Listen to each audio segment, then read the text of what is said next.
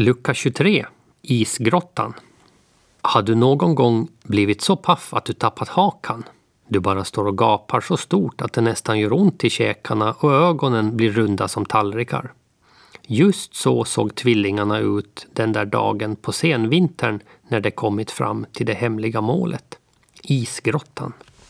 Egentligen borde ni ha ett kokstryk, säger pappa när de kommit hem igen. Ni var olovandes alldeles för långt ut. Ni fick uppleva en syn av Guds nåde, säger mamma. Tur för er att inte sjötrollet tog er. Ni kunde ha mistat era liv, säger farfar. Men kära barn, så högst förunderligt, helt otroligt. Farmor bara gapar hon också. Tvillingarna brukar gå på isen norrut en liten bit, inte längre än att de ser fyrens röda topp sticka upp över allt det vita. Nu hade de fått höra om isgrottan västerut, ut mot havet. Och just dit ville de förstås gå på upptäcktsfärd. Men det är strängt förbjudet. Rätt som det är kan isen spricka i råkar och bilda isflak som glider iväg. Så är det just med den ungen. Skynda, skynda, väser Fred på morgonen och Frida får så bråttom att hon nästan sätter gröten i halsen. Det håller på att ljusna. Mamma står med ryggen till och skramlar med något vid spisen. Pappa har gått till fyren, farmor och farfar är hemma hos sig i fyrmästarhuset. Tvillingarna kan komma iväg om det snabbar på. De drar på sig kängor, tjocktröja, mössa och vantar och rusar kvickt ut och iväg över is och snö. När de kommit utom synhåll från ön lugnar de ner sig och lunkar vidare i lagom takt över de vita vidderna. Isen blir mer och mer kullig och uppbruten ju längre ut de kommer. Det går och går. När som helst kan den isande vinden börja vina, det vet de. Kylan biter redan i kinderna och färgar dem rosenröda.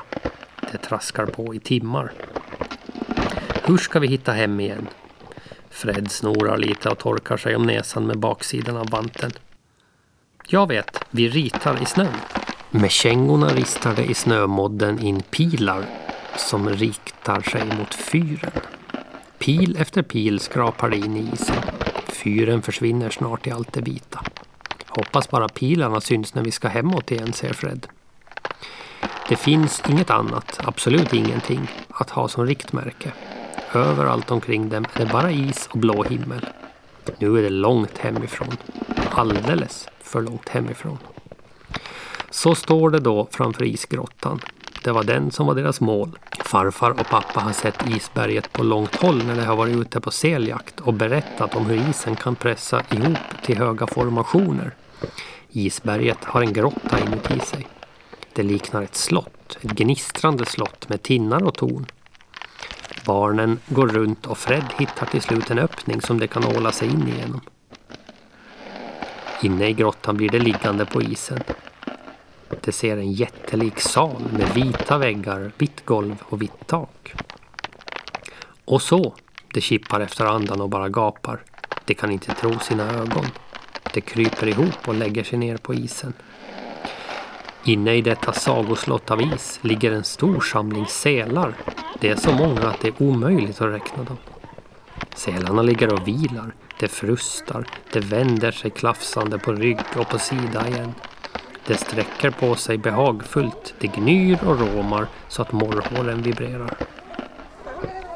Vid en vägg har isen bildat en slät yta. Där leker de unga sälarna de åker kana med huvudena före så hasar de upp igen på sina skrävelklor och far iväg neråt på rutschbanan igen.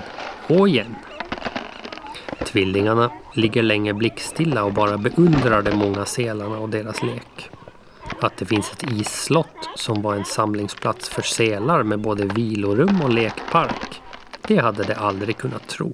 Marschen hem går lättare än de trott. Pilarna syns i isen. Snart ser de fyrens röda topp och då är det bara att fortsätta gå. Och gå. När de väl kommer hem är de uttröttade, törstiga och hungriga. Men de måste berätta om allt de sett om och om igen för att bli trodda. De får lite skäll, som du vet. Men det gör ingenting. Fred och Frida har sett något de aldrig ska glömma, så länge de lever.